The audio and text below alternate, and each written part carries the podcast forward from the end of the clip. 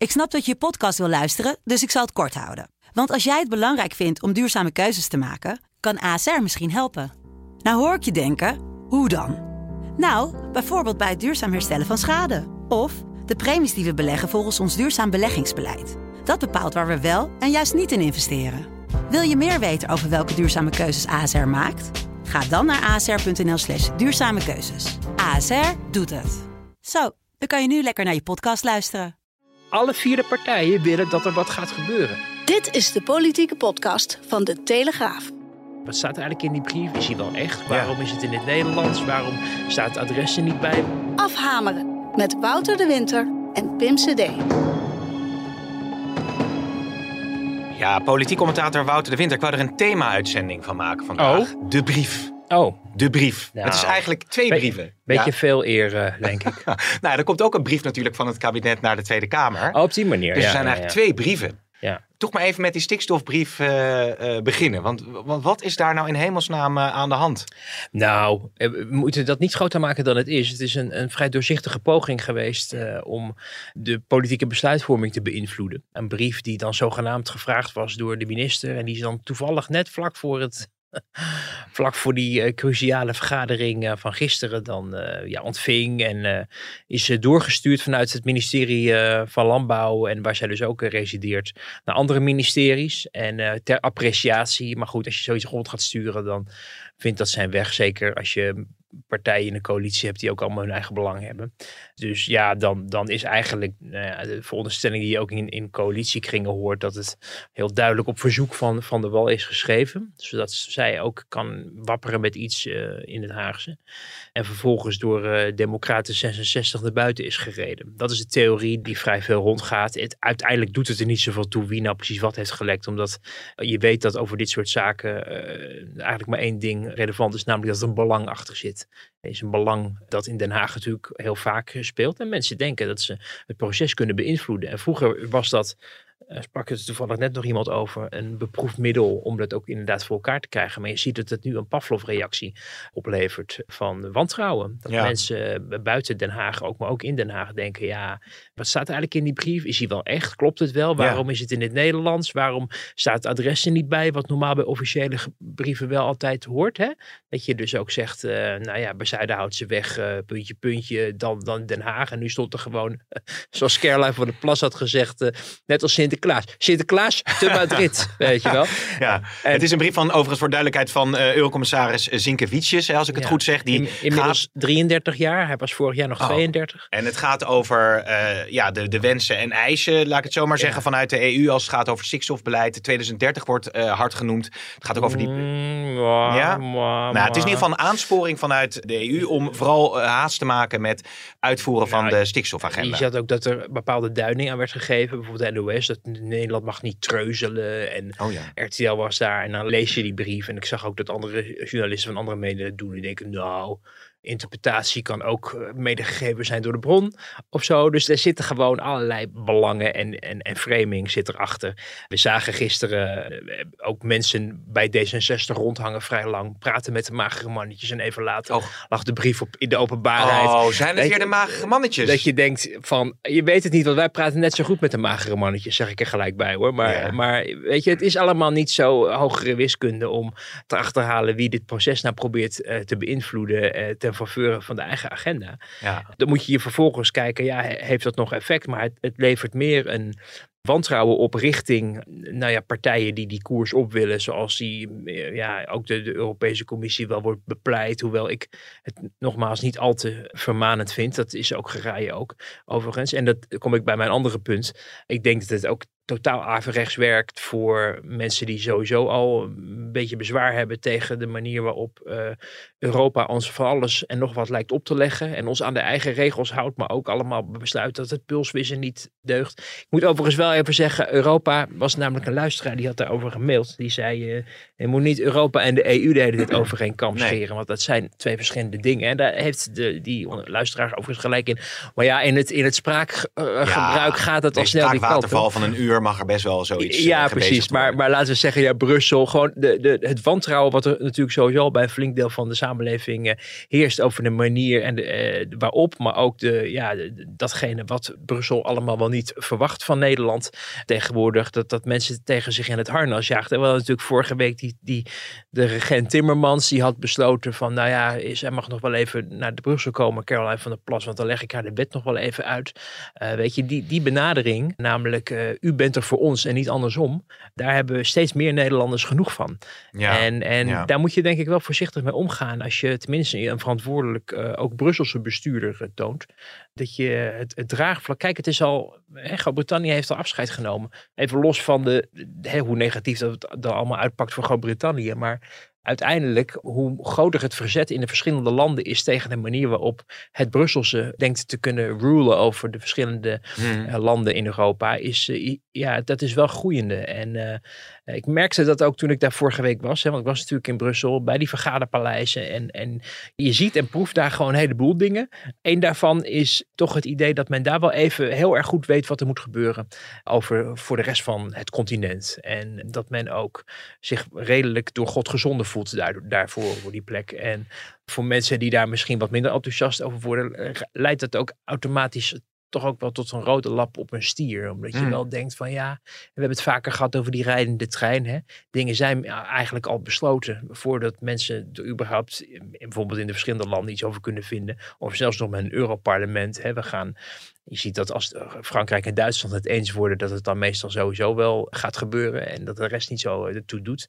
Maar dat heb je op veel meer fronten gewoon, dat men daar wat onvoorzichtig bezig is. En ik had net over die leeftijd van die eurocommissaris. Ja, dat wou ik zeggen. Ik wil, voor onze jonge luisteraars wil ik natuurlijk niet...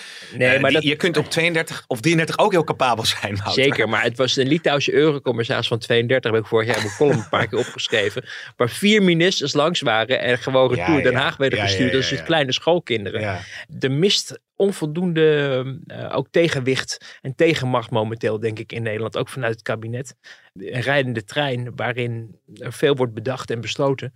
En waar uiteindelijk, want daar gaat het natuurlijk om de burgers in, in ieder geval ons land, maar ook in andere landen, tegenaan lopen. Mm. En, en het kind met het badwater dreigt te worden weggegooid. Hè? Dat je mensen zo veel vervreemd van de overheid. Hè? De overheid die in Nederland dus dingen uitvoert die ook het Brusselse bevolen dan wel gecontroleerd worden dat dat weerstand oproept. En daarmee maak je meer kapot dan je lief is, denk ja, ik. Ja, heel even tussendoor een uh, sfeerimpressie, want dat vond ik dan toch wel grappig. Van der Wal die werd natuurlijk gevraagd naar die, uh, naar die brief. Die één kantje is, overigens.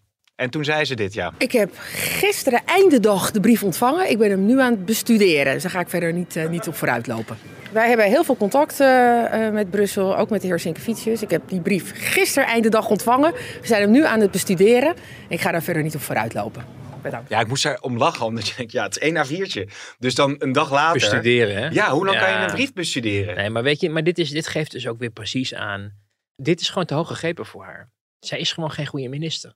Ze heeft een verschrikkelijk dossier. Ze heeft een verschrikkelijke bedreiging natuurlijk gehad. En dat, dat is vreselijk. Maar dat praat niet goed dat je uiteindelijk, als je de boel afpelt, eigenlijk niet zoveel overhoudt. Hè? Een, een brief van één kantje waar een, een, een, minister dan maar inderdaad als een soort apparaatchic op reageert. Omdat ze zo bang is dat ze iets zegt wat niet mag.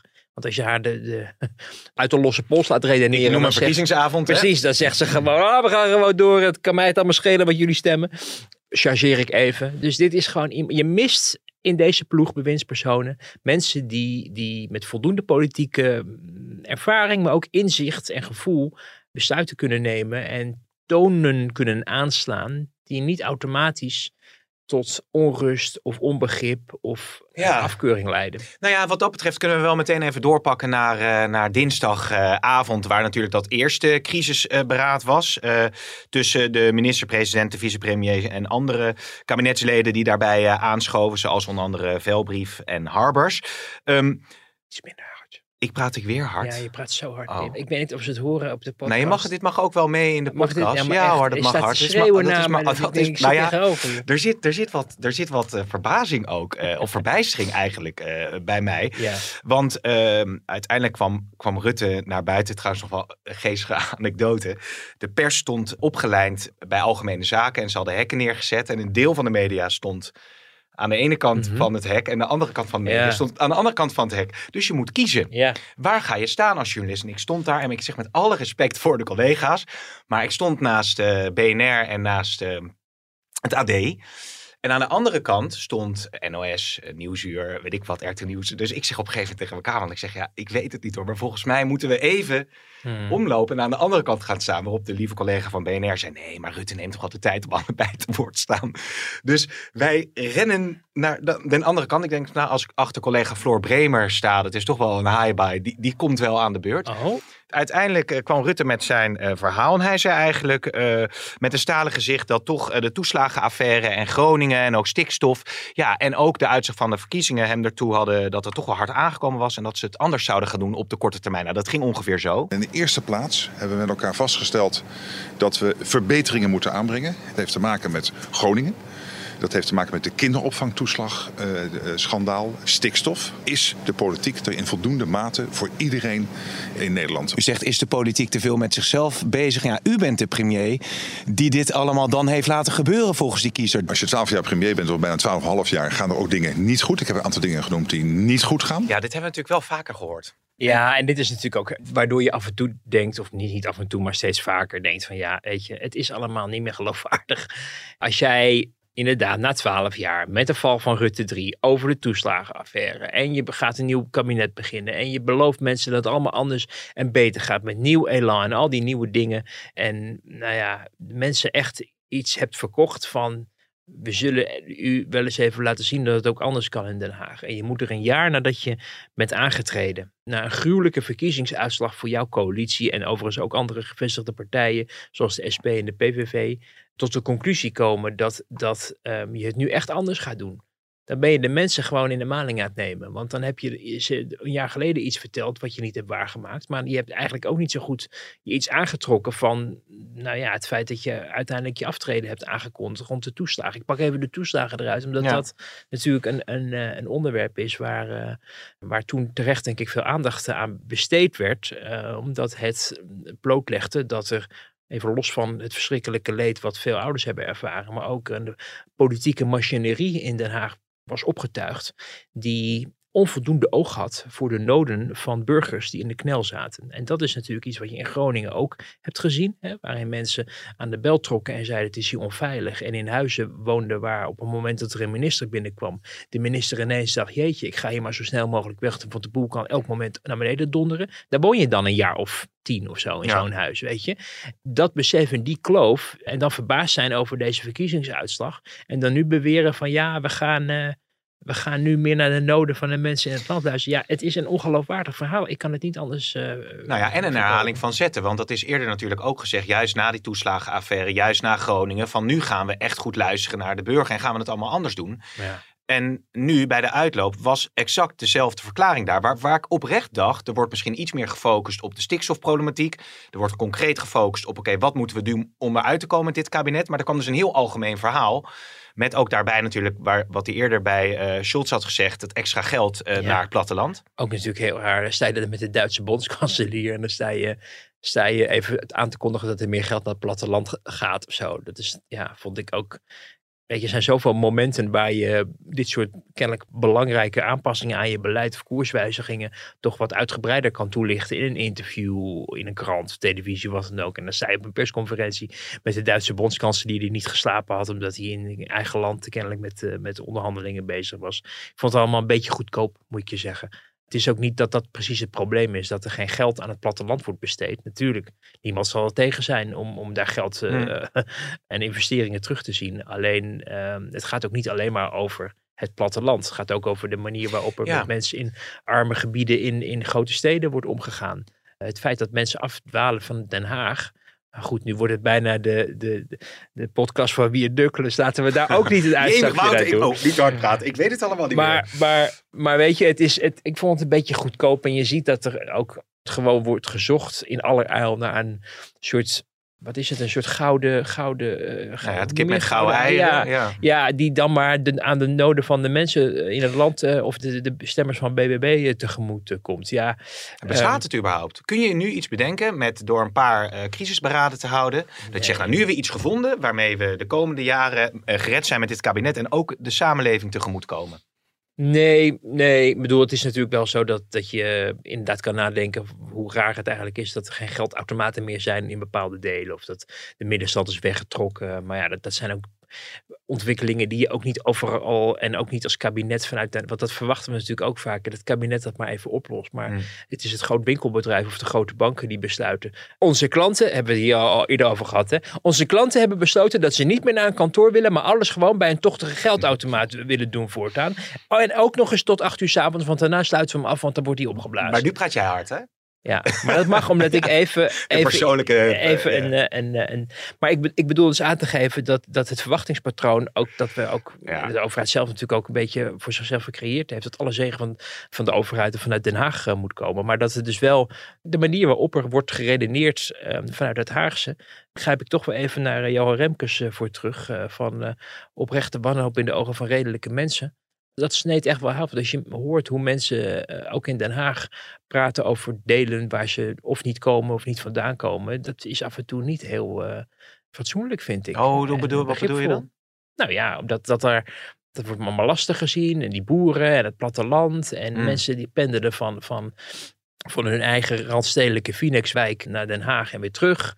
Hun kiezers leven daar soms ook. En dat maakt de wereld een stuk overzichtelijker. Ja. Dat je weet wat er in Ja. Oost-Groningen speelt. Ja. Dat is ook zo eindrijden immers. Ja, maar goed, laten we het concreet bij die brief houden. Hè? Want eh, ik zag net, we nemen dit op vrijdagochtend op, dat het We hebben welke brief gaan we het nu Ja, nee, die ene brief over stikstof en van onze 32-jarige eurocommissaris, die, die, Die laten, liggen. zitten. Oh, 33 is hier Oh ja, sorry. mij, ja. Nog gefeliciteerd namens de podcast Afhameren. De brief over wat het kabinet eh, gaat doen Mhm. aan de vooravond van het eh, debat, dinsdag ook, wat gehouden moet worden over de aanpak voor de komende tijd en hoe ze omgaan met de onvrede in de samenleving en de verkiezingsuitslag van BBB. Daarvan zei Kaag op vrijdagochtend, hè, want er kan veel gebeuren nog, dat dat ook niet zomaar even eh, geschreven is, dat ze ermee bezig zijn. Kortom, moeten we nog even op wachten. Kun je een voorschot geven? Wat, wat, wat, wat kunnen we Nou ja, Ehm, ik had een voorschot in de krant van de week. Een groot stuk eh, geschreven over eh, nou ja, wat die beraadslagingen dan eh, precies inhouden. Hè. Er was dus dinsdag een, een soort rondje ook langs de velden. waarin alle partijen ook aangaven hoe zij de verkiezingsuitslag hebben ervaren. Dat was ook het oorspronkelijke idee natuurlijk. Om ook, vertelde Rutte althans vorige week, om, om elkaar daar ook over ja, bij te praten. Voor de VVD was het natuurlijk slikken, want die dachten dat ze wel weer de grootste zouden worden. En die hebben nu in de Senaat 10 zetels en BBB 17. Dus is toch missie mislukt, zou je dan eh, zeggen. Voor de ChristenUnie was het eh, eh, toch ook heftiger ge- geweest, omdat ze zagen dat een deel van de hardcore achterban ook was weggegaan. Terwijl de ChristenUnie een vrijelijk stabiele partij is als het gaat om het eigen electoraat. Je hebt natuurlijk het CDA, wat ziet dat de BBB met de stemmen ervan doorgaat en die in een existentiële crisis verkeren. Namelijk op het moment dat dit zo doorgaat op deze manier en je, je op de ingeslagen weg door blijft gaan, dan blijft er van het CDA niks meer over. En dat, dat betekent invloed in de provincies inleveren, wat voor het CDA ongeveer het belangrijkste windgewest eh, was. Hè. De, de, de, de regio is ook inhoudelijk voor hen altijd heel belangrijk geweest in de politiek die ze bedreven. Ze zien dat ze daar eh, worden gekortwiekt in het bestuur, maar ook in de, in de volksvertegenwoordiging al daar. En dat erodeert sowieso de macht van het CDA natuurlijk, omdat het CDA in de grote steden niet zo groot is. Al, Amsterdam hebben ze met moeite één zetel geloof ik Mhm. eh, kunnen houden. Eh, Om maar even een willekeurige stad in Nederland eh, te noemen. En je hebt natuurlijk D66 dat een afspraken gemaakt heeft, dat een regeerakkoord naar haar hand heeft weten te zetten. Om, vanwege het feit dat, nou ja, de formatie vervelend verliep. En veel andere partijen, zoals VVD en, en CDA, dachten van nou ja, we geven ze gewoon veel in het regeerakkoord als we maar weer kunnen gaan regeren. En dan doorgaan met deze coalitie. Waardoor D66 de formatie heeft gewonnen. En, en daarom begrijpelijk, hun begrijpelijke moverende redenen ook niet zomaar afscheid van nemen. Dus dat is ook allemaal een hele logische constatering. Alleen ja, de werkelijkheid is inmiddels dat in die provincies de macht van het BBB zo groot is geworden. Dat zij in, nou niet alle geloof ik, maar in de meeste provincies eh, gaan meebesturen. Zij in ieder geval overal Ja. de grootste geworden. En dat D66 misschien nog in Utrecht mee mag doen, maar dat is het dan nog wel. Nou, Dus- die wilde ook helemaal niet met, eh, met BBB, hè? Nee, maar dat geeft dus aan hoe ook D66 D66 ineens van de kaart is geveegd in de provincie. Want hoe je het ook bent of verkeerd, als je daar wil besturen, moet je ook dus deelnemen Ja. aan het college van gedeputeerde staten. Dus ook die partij is geconfronteerd nu met een enorm gebrek of verlies aan macht. Wat de agenda van D66 in de regio ook niet verder dreigt te brengen. Dan kan je natuurlijk de kont tegen de krip gooien en zeggen: Nou ja, naar ons de zonvloed. Dan doen we lekker niet mee. En dan blijven we in Den Haag roepen: van we willen het lekker toch zo. Maar ja, dan valt het kabinet. En dan is de kans groot dat D66 ook een rol in de marge wacht. op het moment dat vervoegde Tweede Kamerverkiezingen zijn. Ik sprak daar eh, de afgelopen week verschillende houten zoals ik ze maar even ge- gekscherend noem, van verschillende partijen over.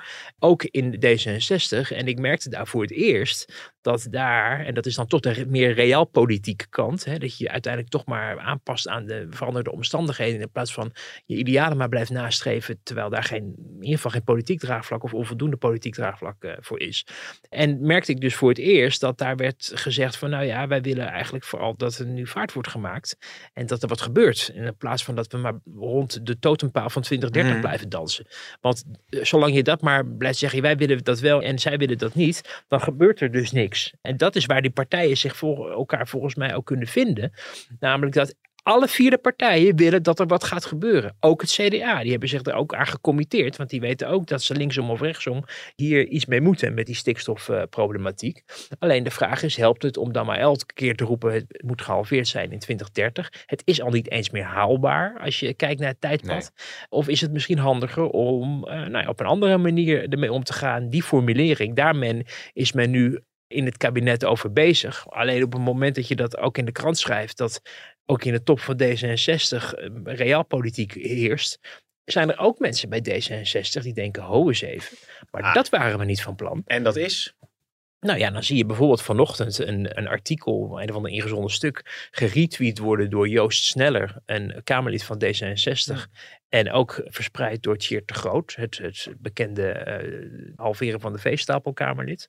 Ik heb het stuk even gelezen, waarin ook wat neerbuigend over Johan Remkes gesproken wordt vanwege zijn gele tanden of zo. Ja, het is crazy. Ja, en dat, Oh, wordt, dan, en dat wordt dan verspreid door zo'n Joost Sneller onder het mom van eh, iets van hoe dan ook, eh, lezenswaardig of zo, of leestip. Oftewel, het wordt verspreid. Ja. In de, en dat paste dan weer heel erg in het, in het frame van ja, het einde der tijden is nabij. En eh, we moeten de werkelijkheid niet ontkennen en we moeten nu ingrijpen, bla bla bla. Dus de hardcore D66 opstelling, die dan weer haak staat op het sentiment wat ik ook hoor in eh, hoge D66 kringen. Namelijk, we moeten het misschien toch pragmatischer aanpakken. En ook een sentiment, en dat vond ik ook interessant om te horen, dat ze af en toe het te groot ook wel achter het behang kunnen plakken daar. Nou, was interessant. Ik weet niet of dat er iets mee te maken had. Maar ik had dinsdag nog een item gemaakt over het feit dat de Tweede Kamerleden met name ook eh, op stikstof elkaar in de haren vlogen. Hè. Is die wel, eh, Ja. Er werd getwijfeld aan de verstandelijke vermogens van Tjeerd de Groot door CDA-Kamerlid eh, Geurts.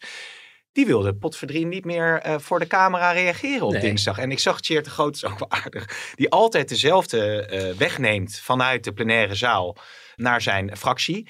En ik, zag hè? hem, en ik zag hem in één keer de andere kant op gaan. Toen ben ik er achterna gelopen. Maar die, die, die wilde niks zeggen. Terwijl die normaal, moet je natuurlijk ook zeggen, is hij wel vaak ook wel bereid om die stevige standpunten te verkondigen. Kijk, er wordt zo natuurlijk in zo'n partij, ook door de top, af en toe gezegd van jongens, zo kan niet wel weer. We moeten er nu uitkomen. Helpt het om nu elkaar de maat te gaan nemen? Dat was echt natuurlijk, is natuurlijk wel een beetje een ongeluk gebeurd hè, vorige week met die hoge toon over je verstandelijke vermogens eh, deugen niet. En de groot komt er ook wat van, onwettig. eh, Ja. eh, Over Gindwis ging dat dan. hè? ja, dus dat helpt allemaal niet. En dan wordt er in zo'n partij ook vanuit de top ook wel gezegd van nou, kan het even wat minder. En soms hebben ze er zelf, zien ze natuurlijk zelf ook wel dat het niet zoveel, niet, zoveel helpt om, om elkaar maar zeker in het openbaar de maat te nemen. Alleen het probleem is wel, wat je ziet, is dat mensen die zo nadrukkelijk zich hebben uitgesproken voor een bepaalde koers.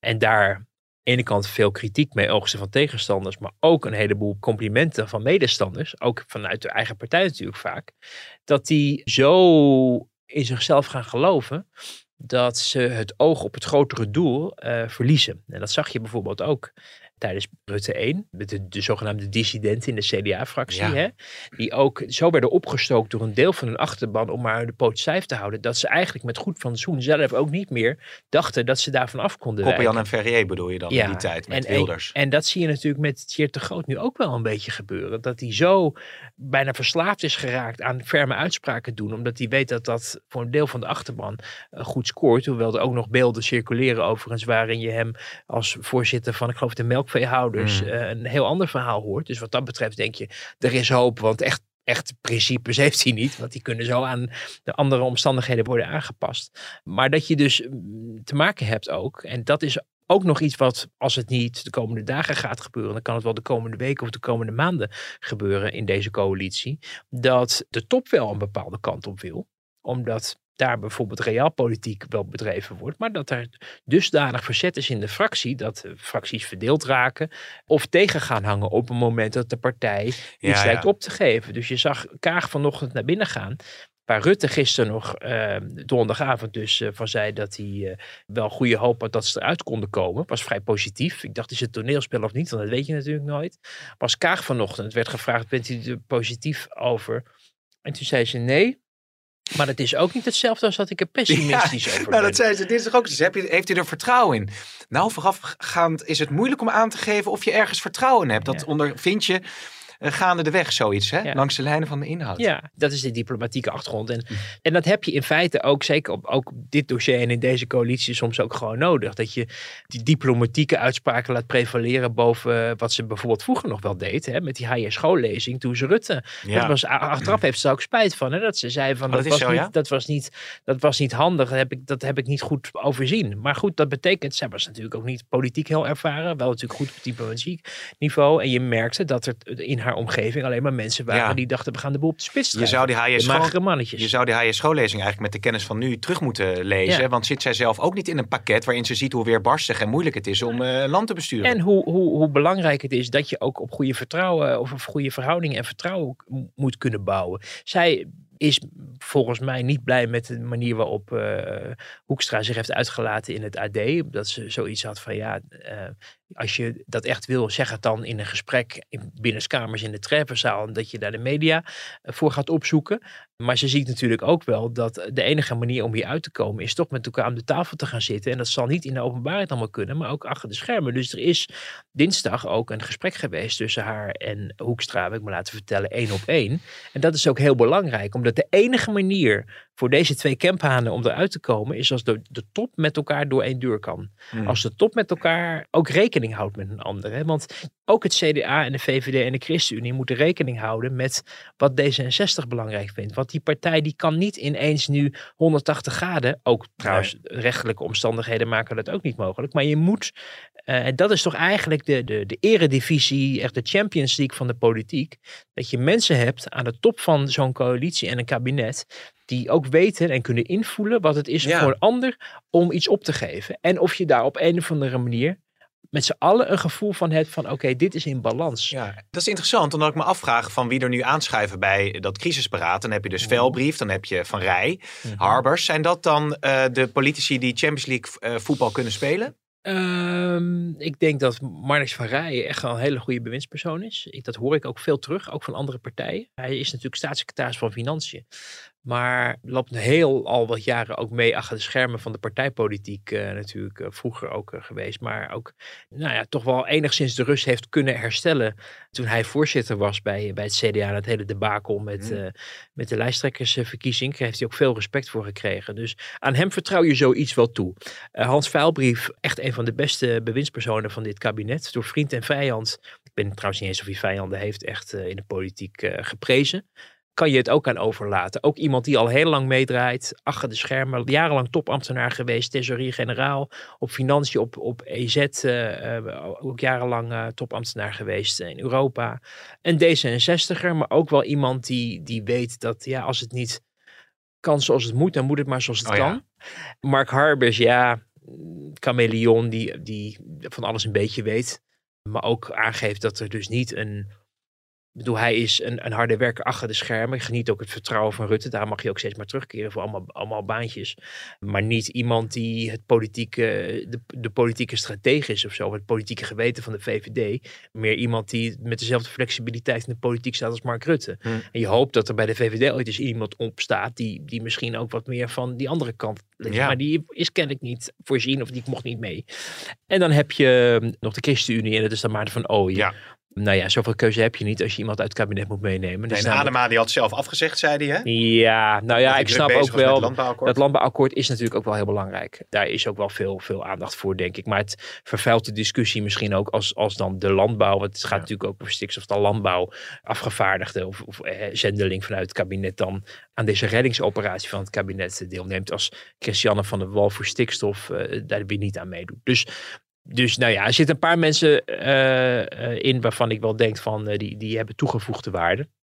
Maar je moet elkaar in de ogen kijken en je moet kijken of er is er nog voldoende vertrouwen.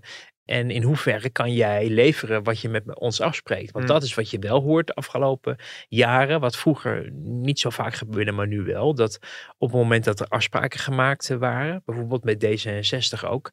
Onder Rob Jetten gebeurde dat al. Dat het niet altijd zeker was dat de afspraak die op het hoogste niveau werd gemaakt, de volgende dag ook nog stond. Omdat er rumoer in de fractie ontstond. En die, dit rumoer in de fractie van D66, de verdeeldheid, er wordt wel gezegd, er zitten twaalf mensen die vrij radicaal in de wedstrijd zitten. En het is moeilijk voor Jan Paternotte om alle neuzen dezelfde kant op te krijgen altijd. Daardoor is het voor hem ook moeilijk opereren, omdat hij misschien zelf een kant op wil, maar hij moet zich wel gedekt weten door eh, voldoende. Ja. eh, en het zijn, het zijn niet de eerste, de beste Sjoerd Sjoerdsma's van deze wereld en zo. Hè, wat je ook van de man vindt, maar hij is wel een, een ervaren Kamerlid. Zeker, en, eh, ja. en daardoor, hè, ervaring betaalt zich meestal in de politiek toch wel uit qua invloed. Dus dat is allemaal best ingewikkeld. Boeiend is dat. Ik zat trouwens te denken, want je hebt het dan met name over stikstof klimaat bij D66. Maar als je het hebt over de Kamerleden, laten we heel veel het CDA en de VVD eh, nemen. Bijvoorbeeld asiel, hè? Mhm. En dat gaat knetteren. Kan dat dan ook in de fractie daar tot heel veel eh, ongenoegen? Zijn er ook eh, kikkers die dan uit de kruiwagen gaan springen, denk je? Ehm, ja, ja, hoewel ik wel denk, dat is zo, zit de VVD de laatste jaren in ieder geval wel in elkaar. Dat men daar wel op een gegeven moment ook wel even denkt aan het eigen hachie. Ja, dan roepen ze Rutte voor een pittig gesprek bij je natuurlijk. Nou, dat is dat, Nou ja, als jij, als jij nu meewerkt aan, het, aan een kabinetsval, dan is onder de huidige omstandigheden ook voor de VVD geen winst verzekerd meer. Wat natuurlijk jarenlang zo was. Hè? Wat daardoor ook enige zelfvertrouwen gaf. Zo, we gaan nu maar eens wat kleur op de wangen zoeken. En Rutte gaat misschien wel weg of niet. Maar ik denk als Rutte verdwijnt, dan is het echt anything goes. En dan is, ligt het hele speelveld Ja. van links tot rechts Ja. eh, open. Maar dat ook bij de VVD-fractie natuurlijk ook wel nagedacht wordt, gezien de recente verkiezingsuitslag.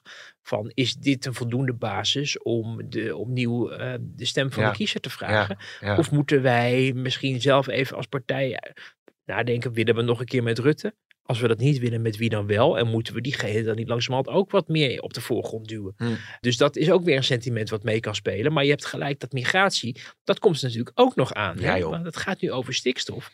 Maar ja, ik stak mijn licht op eh, de afgelopen week bij de hotemethode, zoals ik ze maar, eh, maar ga noemen. ja. En, en daar werd nog wel ook wel gezegd van, nou ja, eh, veel succes Rutte met Italië. Ik zag een, een, eh, verhaal van Saskia Dekkers bij Nieuwsuur over de toestroom vanuit Tunesië richting Lampedusa. En dan hoeveel dat er al in dit jaar zijn. In vergelijking met de voorgaande jaren. Het is een enorm eh, hoog aantal Ja. dat nu al Europa eh, binnenkomt. Dus dat zal natuurlijk ook nog wel boeiend eh, Ja, je, worden. en je kan met Tunesië wel afspraken maken. En tegen welke prijs vraag je dan vervolgens af? Hè? Want het schijnt ook allemaal... eh, we moeten dan ook weer wegkijken bij eh, allerlei dingen die in Tunesië niet, niet goed gaan. Maar stel je doet een soort Tunesië-deal nadat je die Turkije-deal hebt. Een van de hoofdrolspelers zei me van... Ja, maar mensen gaan toch linksom of rechtsom. Als ze het willen, gaan ze toch naar Europa. Hm. Dus dan ga je niet via Tunesië, maar via een ander land. Of, of weet je, dus, dus de vraag is... Is dit de toverstokje waarmee Ja. je dit stopt? Waarschijnlijk niet. En zeker niet op korte termijn. Dweilen met kraan open klinkt oneerbiedig, want het gaat om mensen. Maar dat gevoel krijg je er wel Ja, een beetje ja en, en dan is dus de vraag, en dan hoor je dus vanuit de VVD wel van ja, als dat niet lukt, met, eh, dan, dan moeten we toch binnen wat gaan proberen. Maar dan kom je D66 wel tegen. Ach, Daar zit echt een... een eh, principieel eh, eh, punt. ja, maar ook, ehm, ze hebben daar onderzoek naar laten doen. En er is kennelijk gebleken dat een, een flink deel van de toch wat senioren achterban daar wel ehm, ja, dusdanig boos over is dat ze dan de rust die er nu nog bij die partij heerst, ja, dat die kan toenemen. De onrust dan Ja, vervolgens. En ja. nu is het nog rustig. Maar op een gegeven moment is de maat ook daarvoor. Waar je nu dus gezeik hebt bij het CDA eh, binnenkamers en ook wel wat bij de VVD. eh, is D66 redelijk rustig. Maar dat kan op het migratiedossier wel eens uit de klauwen gaan lopen. Zo houden ze daar wel rekening mee. En nu is uit de klauwen lopen bij D66 bijna een, een contradictio eh, in terminis. Maar Nou, ik zie, je hebt dus de magere mannetjes en de senioren. Ja, ja, de senioren. Ja. Sommige, sommige magere mannetjes zijn En trouwens... nee, ze zijn, het zijn niet meer compleet. hè? zijn niet, zo, zijn niet zo mager overigens, maar zijn ook niet zo tjus, maar ook soms mannen of zo. Mhm. Maar het, gewoon, de, boodschap was meer van, nou ja, het, oudere kader is, is toch wel, zit hier wel stevig in. Dus we weten niet of we, of we daar heel Ja, veel ja. speelruimte hebben. We moeten nog één aspect eh Ja. beetpakken. Dat is namelijk ook mooie eh, televisie was dat. De Hoekstra ging op bezoek bij eh, Van der Plas. Die nam de verkeerde ingang. Hè. De, de media stond daar ook omheen. En ik vond dat beeld wel treffend. Dat Van der Plas die zat op haar zetel. En de Ja. deur stond open. En, en Hoekstra kwam binnen. En de deur bleef ook best lang openstaan. Dat ik dacht van nou, laat het camerawerk maar even draaien. Dat Van der Plas hier toch wel de koningin is waar Hoekstra bij op audiëntie mag. Dat Ja. gevoel kreeg ik een beetje, vond ik wel heel geestig Ja. eigenlijk.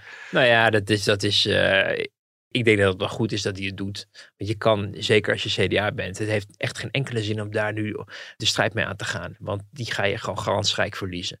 Dus je zag ook dat Hoekstra in de marge van dat gesprek ook had gezegd dat er heel veel raakvlakken zijn Mm. tussen CDA en BBB. Dat geloof ik ook wel. Er is natuurlijk een hoop bij het CDA dat op het moment dat BBB niet kan leveren of als er ruzie ontstaat, dat, dat mensen weer terugkeren in de oude moederschoot van het CDA.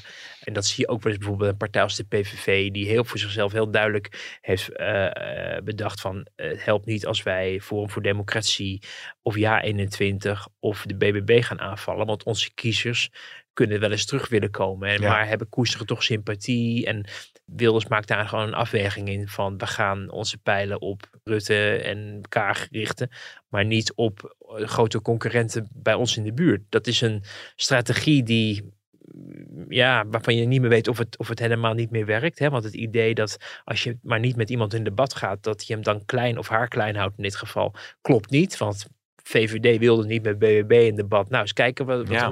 PVV heeft BBB ook niet aangevallen. Daardoor bleek Caroline redelijk veilig. Omdat ze, behalve de mensen van Vorm voor Democratie die dit wel eh, probeerden of hebben gedaan ook zelf. Maar voor de rest is ze redelijk met rust gelaten natuurlijk. Behalve dan misschien door D66. Maar die mensen, er is sowieso geen overloop tussen D66 en BBB. Behalve die 7% dan zagen we in dat onderzoek. Dus je ziet dat, dat ehm, eh, voor het CDA het belangrijke is om misschien eerder met BBB op te trekken. Zeker zal dat in de provincies moeten. Dan de kont tegen de krip te gooien en ze aan te vallen. Omdat je dan, ja, het is bijna niet mogelijk voor te stellen. Maar dat er dan nog meer mensen weglopen van CDA naar BBB. Ja, ja, ik zat nog te denken, maar dat eh, is voor nu misschien te veel. Maar aan het interview wat ik met Paternotte had, waarin hij inderdaad zo ferm was over dat samenwerken met de BBB. En eigenlijk was dat gewoon niet mogelijk. En moet je nou eens kijken. Hè? Nou dat ja, wel- ze werken ook nergens. Was in geen, Nee, maar ik, ja, ik dacht nog, ik, iemand wees me er gisteren op dat ze nog in Utrecht een kans maakten.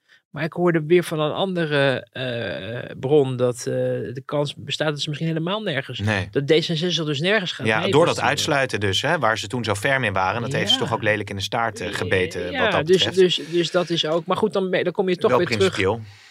Ja, maar ja, wat Ja. heb je met je principes als je in de marge van de politiek moet opereren? Kijk, politiek, maar goed, ik ben daar misschien ouderwets in, maar gaat toch om het verkrijgen van macht en die uitoefenen om je idealen of doelen te eh, realiseren. En als jij eh, als een muurblompje met je armen over elkaar, zoals ik nu trouwens ook zit, niet tegen de muur, maar wel met mijn armen over elkaar, gaat zeggen van ja, we hebben gelijk en eh, voor de rest bemoeien we ons er niet mee. Ja, dan, dan nodigt dat veel kiezers ook niet uit, uit om je te stemmen, want ze Nee. denken ja, die doen er sowieso niet zoveel mee. Dat is natuurlijk iets waar, waar Wilders en de PVV bijvoorbeeld ook last van hebben. Hè? Dat veel mensen denken van ja, we kunnen wel op ze stemmen, maar, maar ze gaan toch niet besturen. Nee. Dus dan kunnen we beter op een partij die nog misschien wel iets in de melk te brokkelen wil hebben. Overigens niet een vrijwillige keuze meer hè, van de PVV om aan de zijkant eh, te staan. Maar ze worden uitgesloten natuurlijk al door een heleboel partijen.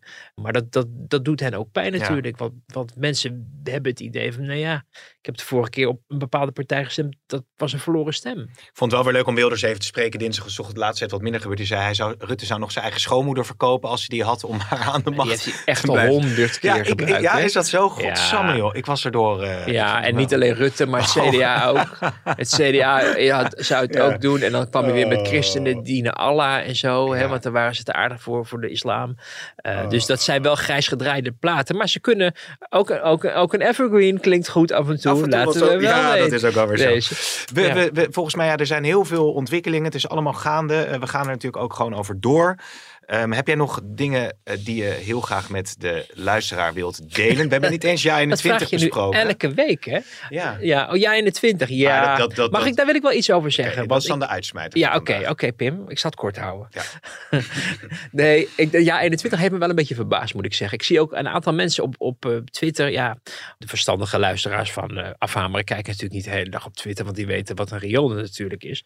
Maar ehm, op Twitter was er, ik ben niet een verstandig mens, was er weer een discussie over ja, einde van jaar 21.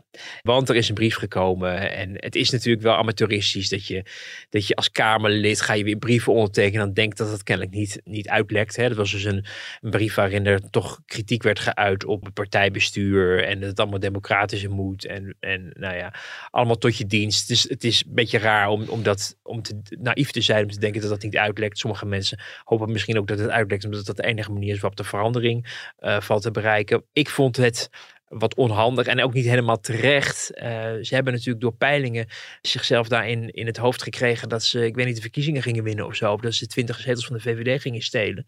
Dat is niet zo realistisch. De, de opkomst van de BBB heeft daar denk ik ook, net als bij de PVV, heeft, heeft hen kwaad gedaan.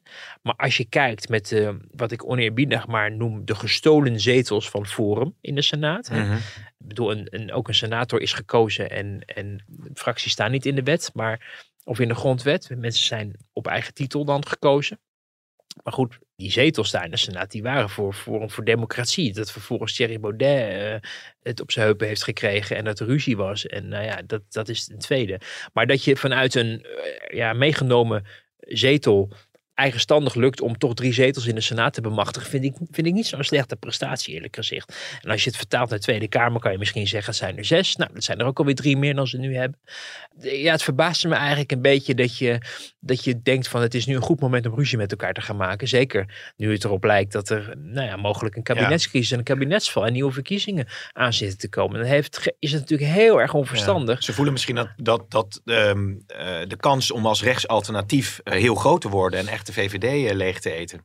Dat is misschien wat erachter zit. Nou ja, dan is het in ieder geval belangrijk om de rust te bewaren. Want dit Ja. is wat, want wat gebeurt er in een partij in onrust, daar nemen mensen afscheid van. Ja. Dan kijken ze om zich heen en waar ze dan naartoe kunnen waar het wel rustig is. En dat is dan misschien op dit moment zelfs BBB. Ja. Want daar is het eh, vooralsnog rustig.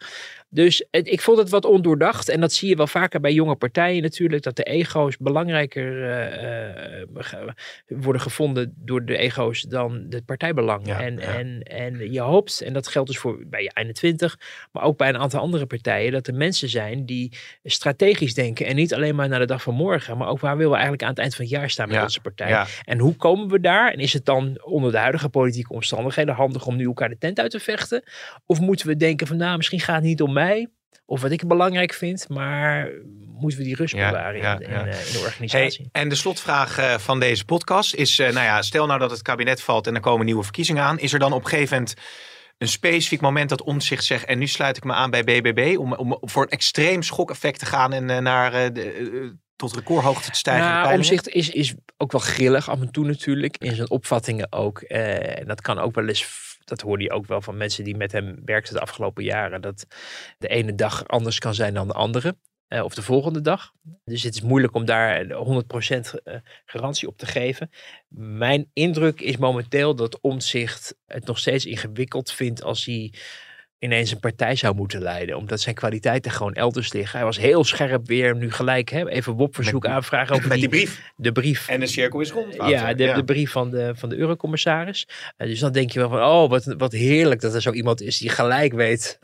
Daar gaan we, Ja. ja. Maar die moet je niet het aandoen om, om zo'n hele partij te leiden. En dan kan je inderdaad wel aansluiten, maar Omtzigt heeft natuurlijk ook wel bepaalde opvattingen. En kent al die mensen niet bij BBB. Weet ook niet of zij überhaupt op dezelfde manier in de wedstrijd eh, staan. Dus er is dan ook weer hoop bij sommige CDA'ers dat hij daar weer Mm. terugkomt. Maar ja, dan hoor je wel bij het kader van het CDA van ja, er is wel heel erg veel gebeurd. Het is eigenlijk onwaarschijnlijk. Kijk, ik denk als, je, als hij voorland zou zijn nu, nieuwe verkiezingen, zich nergens bij aansluit, zou betekenen dat hij uit de Kamer verdwijnt. Ja. Ik denk niet dat hij dat wil op dit moment. Nee. Dus, dus dan neig ik er wel naar om te denken van, nou ja, hij heeft af en toe ook allianties met Volt bijvoorbeeld. hè. Ja. Daardoor, Eh. laatst had hij ook gesproken namens BBB, zag ik weer. Ja, dus, dus, dus ja, ik vind het heel moeilijk om daar een... eh, Verdorie, dat is spannend. Ja, dus eh, dat is misschien ook nog een verrassing die er eh, op zo'n moment eh, plaatsvindt. Want dat is natuurlijk, en dan sluiten we echt af hoor. Maar dat is dus ook echt wat bij, niet alleen bij voor Pieter Omtzigt, maar bijvoorbeeld ook een partij als PvdA en GroenLinks natuurlijk speelt. Wat gebeurt er als er ineens verkiezingen komen? Hoe ver staat het met die samenwerking of die fusie? Ja. Wordt het één partij of niet? Wie gaat die leiden? Is iedereen wel, staan de neus wel dezelfde Nou, kant op? En dat vond ik wel leuk, want ik sprak Artje Kuiken voor het eerst na die verkiezingen. Ik zei van, goh, was nou het allemaal gaan? Want die debatten, de ene ging wat beter dan de ander. Zei ze, nou, ik vond het gewoon hartstikke spannend en, mensen, en leuk. En mensen vergeten nog wel eens dat het gewoon mijn eerste keer was dat Ja, ik dit soort debatten moest voeren. Nee, maar, de, maar het zal dus ook druk leggen op een heleboel andere partijen om ineens te bedenken van, oh, wat, welke Ja. kant willen wij eigenlijk op? Ja. En daarom hoor je af en toe ook nog wel eens, zelfs bij oppositiepartijen, van nou, Oh. de boel ook nog niet echt op de spits te drijven. Maar goed, politiek is niet alleen maar ratio en ook emotie. En als, en als ze ruzie met elkaar hebben, dan is het klaar. En dan, eh, nou ja, denk ik wel na de zomer overigens verkiezingen. Oh, oh ja? Ja, ik denk dat Oh. wel. Want we zitten inmiddels, eh, morgen zitten we in april, 89 dagen of zo. Het wordt wel Oh. heel krap om dat nog allemaal eh, voor elkaar te krijgen. Gaan we weer. Ja. Ja, oké. Nou, Wouter, dit is een mooie afsluiting van deze podcast. Ik zeg tot snel. Jo.